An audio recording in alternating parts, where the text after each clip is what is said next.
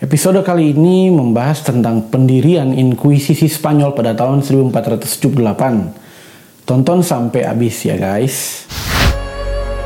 أبنا الذي في السماوات ليتقدس اسمك ليأتي ملكوتك لتكن مشيئتك كما في السماء كذلك على الأرض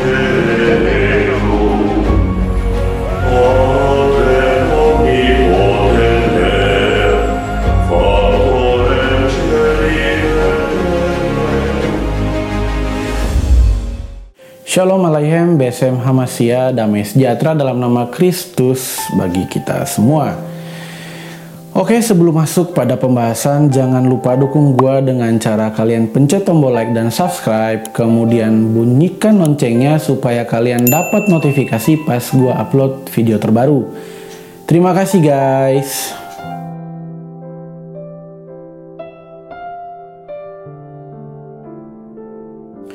Pada mulanya gereja merasa amat prihatin terhadap adanya kepercayaan sesat atau bidat dan telah mencari cara untuk menanganinya. Acap kali langkah tersebut merupakan sikap tawar-menawar pendapat teologis dan pengucilan badan-badan ajaran sesat dari gereja. Namun, gereja yang baru mulai tumbuh tidak mampu memperlakukan sistem keyakinan apa pun pada mereka yang bersalah. Pada tahun 1184, Paus Lucius III yang mempedulikan iman setiap pengunjung gereja meminta para uskup untuk menyelidiki iman masing-masing jemaatnya. Seseorang yang tertangkap sebagai penganut ajaran sesat kemudian dikucilkan dan dikeluarkan dari gereja. Namun tak ada yang melukainya secara fisik dan jika ia melepaskan paham sesatnya itu dan bertobat kembali pada ajaran rasuli, maka ia diterima kembali ke dalam gereja. Secara teoretis, gereja menerapkan sarana ini untuk memperbaiki dengan penuh kasih seorang saudara yang tersesat dan melindungi yang lain dari kesalahan yang sama. Ketika ajaran sesat pada masa abad pertengahan menjadi populer, khususnya gerakan Albigens di Prancis, gereja akhirnya mengambil tindakan yang lebih tegas. Pada konsili Lateran keempat, Paus Innocentius III mendukung negara untuk menghukum para penganut ajaran sesat dan menyita harta mereka. Para pejabat sekuler yang tidak mendukung gereja juga terancam pengucilan. Namun, inkuisisi tersebut tidak sepenuhnya terorganisasi hingga pada Sinode Toulouse pada tahun 1229. Sebagai respons atas pembacaan Alkitab Kathari yaitu sebuah kelompok yang dianggap bidat karena telah menyertakan banyak kesalahan Manikean dan Waldensian. Sinode tersebut kemudian melarang kaum awam untuk memiliki kitab suci dan memulai serangan sistematis melawan berbagai kepercayaan yang tidak dapat diterima. Paus Gregorius IX memberi kuasa untuk menyiksa para pengikut ajaran sesat kepada para biarawan Dominikan yang diwajibkan mengontrol ortodoksi. Karena bertanggung jawab hanya pada otoritas paus, maka para Dominikan menjadi senjata ampuh dalam kelompok hierarki. Pada tahun 1252, Paus Innocentius IV mengizinkan penyiksaan sebagai cara mendapatkan informasi dan pengakuan dalam kasus ajaran sesat. Ia percaya bahwa pengikut ajaran sesat merupakan kaki yang membusuk yang harus diamputasi karena jika tidak mereka akan menginfeksi seluruh bagian tubuh. Kekejaman yang diberlakukan melawan ajaran sesat tampaknya adalah harga yang relatif kecil bagi ortodoksi gereja. Karena gereja tidak dapat menyebabkan pertumpahan darah, sehingga semua pengajar sesat diserahkan kepada negara untuk kemudian dieksekusi. Biasanya dengan cara dibakar hidup-hidup. Para penguasa Spanyol pada paruh kedua abad 15 yaitu Raja Ferdinand dan Ratu Isabella meyakini bahwa negaranya akan makmur hanya jika ia benar-benar seorang Kristen. Karena mereka menunjukkan pengabdian mendalam pada ajaran Katolik, mereka menerima gelar Catholic Kings atau Raja-Raja Katolik dari Sri Paus. Pada tahun 1478 mereka meminta supaya Paus mendirikan inkuisisi di Spanyol dengan mereka sendiri sebagai inkuisitornya. Inkuisisi Spanyol dengan nama resminya Tribunal del Santo Oficio de la Inquisición atau Tribunal Dinas Suci Inkuisisi adalah institusi pengadilan gereja yang didirikan oleh pasangan monarki Katolik Raja Ferdinand II dari Aragon dan Ratu Isabella dari Castilla yang bertujuan untuk memelihara ortodoksi Katolik di Spanyol dan mengadili perkara-perkara aliran sesat pasca Reconquista atau penaklukan Iberia oleh kerajaan Kristen dari tangan Muslim Moor. Inkuisisi Spanyol didirikan pada tanggal 1 November 1478 dan dibubarkan pada tanggal 15 Juli 1854. Inkuisisi Spanyol merupakan institusi yang melayani kerajaan Spanyol, tetapi harus mengikuti prosedur yang diperintahkan oleh tata suci paus. Kebanyakan inkuisitor menerima pendidikan hukum di universitas. Prosedur inkuisisi yaitu pengakuan seseorang bahwa ia menganut aliran sesat dan mengadukan penganut yang lainnya. Pengaduan ini diikuti dengan penahanan dan tertuduh diberikan Dewan Pembela yang merupakan anggota pengadilan itu sendiri, hanya bertugas menasihati tertuduh dan mendesaknya untuk mengakui kebenaran. Seorang notaris sekreto mencatat perkataan-perkataan tertuduh dengan cermat. Lengkapnya catatan ini amat sempurna dibandingkan dengan sistem pengadilan lain pada zaman itu. Dalam inkuisisi, Penyiksaan juga sering digunakan agar tertuduh mengakui kesalahannya.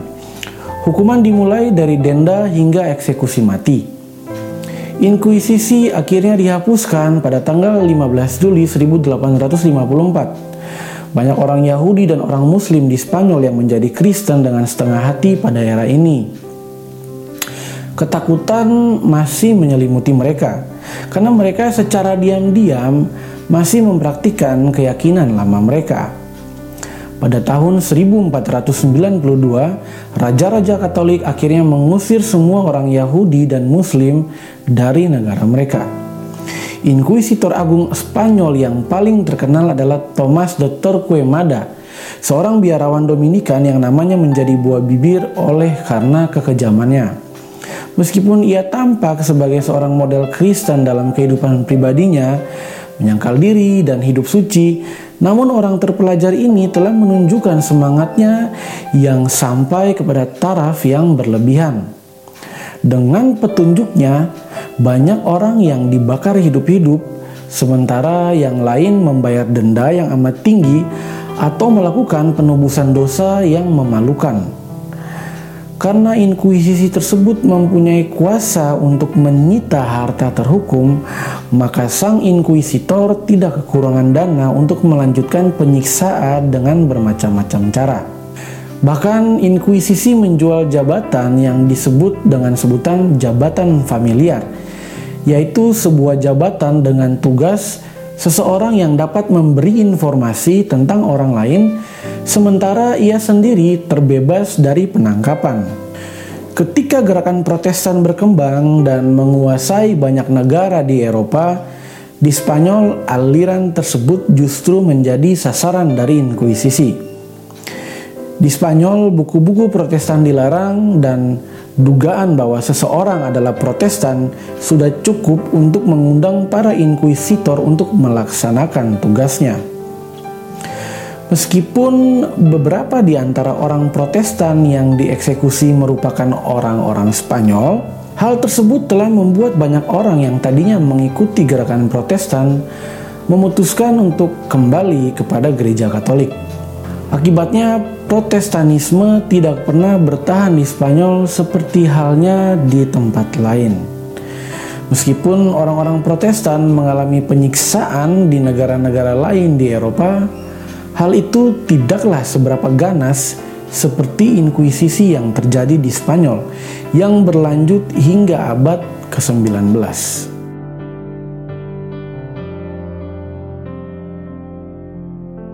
Terima kasih sudah menonton video ini sampai selesai. Bagi kalian yang gak sempat nonton video dan mungkin lebih nyaman dengerin audio, kalian bisa dengerin konten yang sama di platform Spotify. Link untuk Spotify gua taruh di kolom deskripsi ya guys. Dan bagi kalian para youtuber Kristen atau yang mungkin bukan youtuber tapi pingin mengenal lebih dalam tentang iman Kristen yang benar, yang sesuai dengan ajaran bapak-bapak gereja, ayo join di keluarga Iman Rasuli. Komunitas YouTuber Kristen yang memegang teguh pengajaran rasul-rasul. Kalian akan diperlengkapi dengan materi-materi pengajaran dari pengajar-pengajar yang berkualitas. Di antaranya adalah pemilik channel Verbum Veritatis, Dr. Deki Gadas, pemilik channel Inyo Manis, Pak Gracia Pelo, dan pemilik channel Apologia Historia, Pak Jimmy Jeffrey. Kelas pengajaran dan materinya gratis ya guys, kalian nggak perlu bayar. Kalian hanya tinggal ikut aja kelasnya di Zoom Meeting melalui link yang nanti akan diarahkan oleh para admin. So, tunggu apa lagi? Langsung aja join dengan cara kalian klik link yang gua taruh di kolom deskripsi.